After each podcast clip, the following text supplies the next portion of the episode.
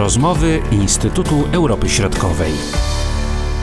W tym odcinku rozmów Instytutu Europy Środkowej koncentrujemy się na e, ostatniej rozmowie pomiędzy prezydentami Stanów Zjednoczonych i Rosji, czyli Władimirem Putinem i Joe Bidenem. I na ten temat rozmawiamy z doktorem Jakubem Olchowskim.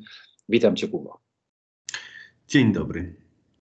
No właśnie, do jakich wniosków możemy dojść po y, tej rozmowie? Czy rzeczywiście sytuacja jest bardzo poważna i Rosja, koncentrując y, wojska przy granicy z Ukrainą, jest gotowa użyć tych wojsk? Czy jest to tylko taki straszak i te e, i można powiedzieć, że Władimir Putin osiągnął swoje cele, no bo y, skłonił prezydenta Bidena do rozmów i stworzył taki ferment, można powiedzieć, ogólnoeuropejski, może w pewnym sensie także ogólnoświatowy. Znaczy, czy zrealizował swoje cele, tego nie możemy powiedzieć, bo nie wiemy, jakie są e, jego cele. Natomiast e, tak, oczywiście masz rację, e, zrealizował ten cel, jakim było spotkanie się, czy w pewnym sensie sprowokowanie Bidena do, do spotkania się z, z prezydentem Rosji. No, jest to sukces. To, to jest sukces, który wynika z, z, no z, tej gry, którą prowadzi Rosja. Ona, ona, oczywiście jest wielowątkowa, bo Rosja zawsze gra na, na kilku fortepianach naraz. E, I, i, różne ma warianty i różne cele chce zrealizować, ale to jest pewien sukces, e, zwłaszcza jeśli, jeśli na przykład posłuchamy tego, co mówią e, rosyjskie media, a one jednoznacznie E, e, triumfują. E, jedno, jednoznacznie, bardzo jednogłośnie właściwie niemal opowiadają, że to jest sukces prezydenta Putina i to jest w ogóle też sukces Rosji. To, że do tej rozmowy doszło w ogóle. W pewnym sensie tak jest. Podobnie jak ta pierwsza, pierwsze spotkanie Putina z Bidenem w, w Genewie, no, też było e, niejako sprowokowane przez, przez Putina. Tak samo było w, w tym przypadku. To jest pewien sukces. Jakby można odnieść wrażenie, że wiodącym tych wszystkich sytuacji, yy, można powiedzieć, amerykańsko-rosyjskich jest prezydent Rosji, a nie Stanów Zjednoczonych, bo on tutaj rozdaje karty, jakby jest bardziej takim aktywnym graczem, może tylko tak się nam wydaje, bo mieszkamy tu, gdzie mieszkamy, no ale tak to y, mniej więcej wygląda. Rozmowa dwugodzinna, jak to określił Władimir Putin, bardzo konstruktywna. No z tego co wiemy, prezydent Rosji domaga się aby NATO nie rozszerzało się na wschód, czytaj, żeby nie było obecne na Ukrainie, żeby Ukraina nie wstąpiła gdzieś tam, gdzieś tam daleko do Paktu Północnoatlantyckiego. No i prezydent Biden żadnych deklaracji tutaj podobno nie składał. W sprawie Nord Stream 2 też mamy mniej więcej czytelną e, sytuację. No, jakie wnioski możemy dalej wyciągnąć z tych informacji? Jeśli chodzi o rysowanie tych czerwonych linii, które, które Rosja rysuje, to robi to od dawna, ale to jest taka zagrywka taktyczna e, na tu i teraz, żeby coś ugrać i, i skłonić Zachód, oczywiście w tym Stany Zjednoczone, do do jakichś ustępstw, bo zwróćmy uwagę, to jest bardzo znamienne, w ogóle się już nie mówi o Krymie i Donbasie. To już jest zupełnie zeszło gdzieś tam na dalszy plan i wszyscy teraz się zastanawiają, co teraz zrobi Rosja i co się teraz wydarzy, czy coś zrobi, czy czegoś nie zrobi. A cała kwestia Krymu i Donbasu zupełnie zeszła gdzieś na, na, na, na dalszy plan i to też jest pewien sukces y, oczywiście Rosji. Tak jak sukcesem jest y, to, że wygląda na to, że, tak jak powiedziałeś, wygląda na to, że tu prezydent Rosji e, rozdaje karty i on tu nadaje ton. No przecież jemu o to chodzi, żeby to tak wyglądało. E, bo w sensie strategicznym Rosji chodzi o to, żeby znowu być e, wielkim mocarstwem, takim, z którym się wszyscy liczą i które właśnie rozdaje karty.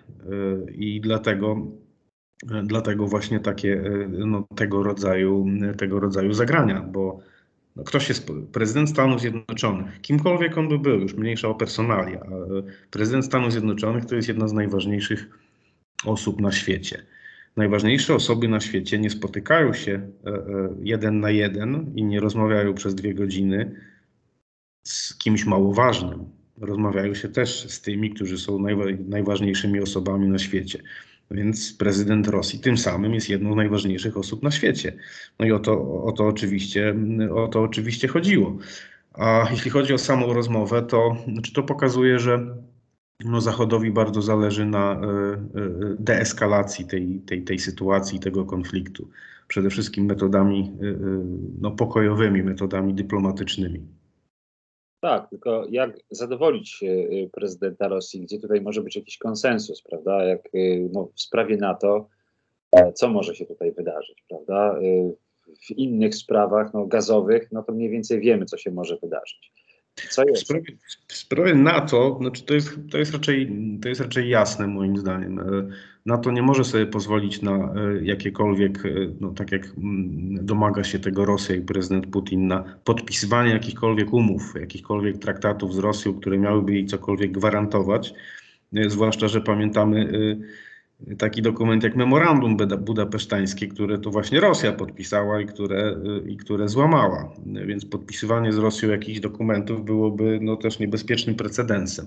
A poza tym to oznaczałoby y, erozję mm, wiarygodności NATO.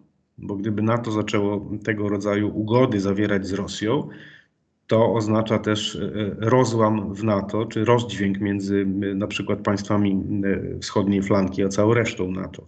A jeśli NATO sobie na to pozwoli, na, na, na tego typu działania, mm, to będzie bardzo niebezpieczne w ogóle dla spójności sojuszu. Więc tego bym się raczej, tego bym się raczej nie spodziewał. A co jeśli chodzi o Ukrainę? Znacznie wcześniej strona ukraińska informowała o tej koncentracji wojsk rosyjskich i mówiła wprost o zagrożeniach, ale ja czasami tak odnoszę wrażenie, że y, tego typu informacje są, y, mogą być przekazywa- przekazywane troszeczkę na wyrost, tak żeby zwrócić uwagę na właśnie y, ten cały czas istniejący konflikt na wschodniej Ukrainie.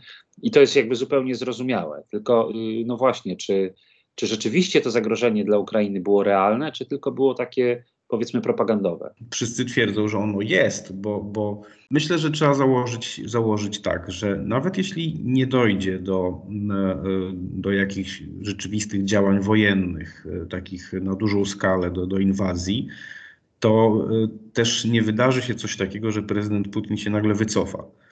Że powie, no dobrze, to, to rzeczywiście tu nie będziemy nic, to my przepraszamy. To się, to się nie wydarzy, bo, bo, bo to byłby cios w jego wizerunek. E, Pamiętajmy, że nic tak dobrze nie robi władzy, każdej władzy, jak y, jakaś wojenka wygrana. Jak generalnie na kwestiach bezpieczeństwa zawsze się, zawsze władze wygrywają. Podręcznikowy przykład to jest wojna na Falklandach. Oczywiście, kiedy Margaret Thatcher z, z, z premier rządu, która, który był mocno krytykowany i ludzie wychodzili na ulicę i prawie ten rząd upadał, stała się premierem rządu, który wygrał wojnę i jest właściwie, y, stała się bohaterką narodową. Prezydent Putin tego mechanizmu używa od początku swoich, y, swoich rządów, bo pamiętajmy, że ża- zaczął rządy od y, wojny w Czeczenii. Y, Od tego się zaczęła prezydentura y, II wojny w Czeczenii, p- prezydentura Władimira Putina, a w tej chwili sytuacja wewnętrzna jest w Rosji słabiutka pod, pod różnymi względami. Notowania prezydenta Putina spadają, e, więc prężenie muskułów i, i pokazywanie własnej siły jest no, naturalnym sposobem e, odzyskania e, własnej pozycji. Więc prezydent Putin się nie wycofa. Co, co, co ugra i co będzie chciał uzyskać, o tym się przekonamy, ale na pewno nie, nie będzie się chciał wycofać z pustymi rękami. Właśnie miałem zapytać o tę sytuację w Rosji, prawda? Bo no, i w związku z COVID-em jest, y, jest bardzo źle, y, no i ta sytuacja gospodarcza y, pewnie też jest daleka od optymistycznej. E, Rosja, tak jak wspomniałem, tutaj już, już to padło dzisiaj, gra na wielu fortepianach, robi różne, różne rzeczy naraz, różne, różne warianty realizuje. Więc z jednej strony ta, ta sytuacja wokół granic Ukrainy to jest nacisk na Ukrainę i destabilizowanie Ukrainy. Po drugie to jest oczywiście nacisk i szantaż wobec Zachodu.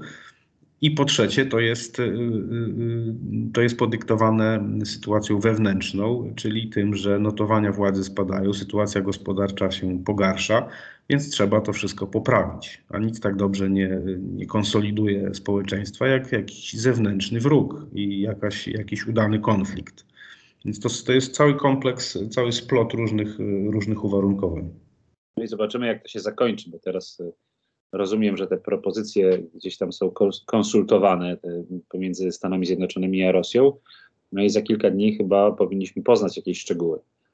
Mm, Zapewne, ale ja myślę, że też można to, to tutaj Podsumowując, czy może oczekując y, tego, co się wydarzy, możemy sobie przypomnieć, chyba niestety, e, słowa Jacka Kaczmarskiego. Jacek Kaczmarski śpiewał, śpiewał o Jałcie, tak zresztą, a, a pamiętajmy, że nie dość, że Jałta leży na Krymie, tak symbolicznie, e, to też na Ukrainie mówi się o, mm, o tym, że Rosja dąży do czegoś, czegoś w rodzaju porozumienia Jałta 2 czyli do, znowu do podziału, podziału świata, a przynajmniej Europy Wschodniej, na strefy wpływów.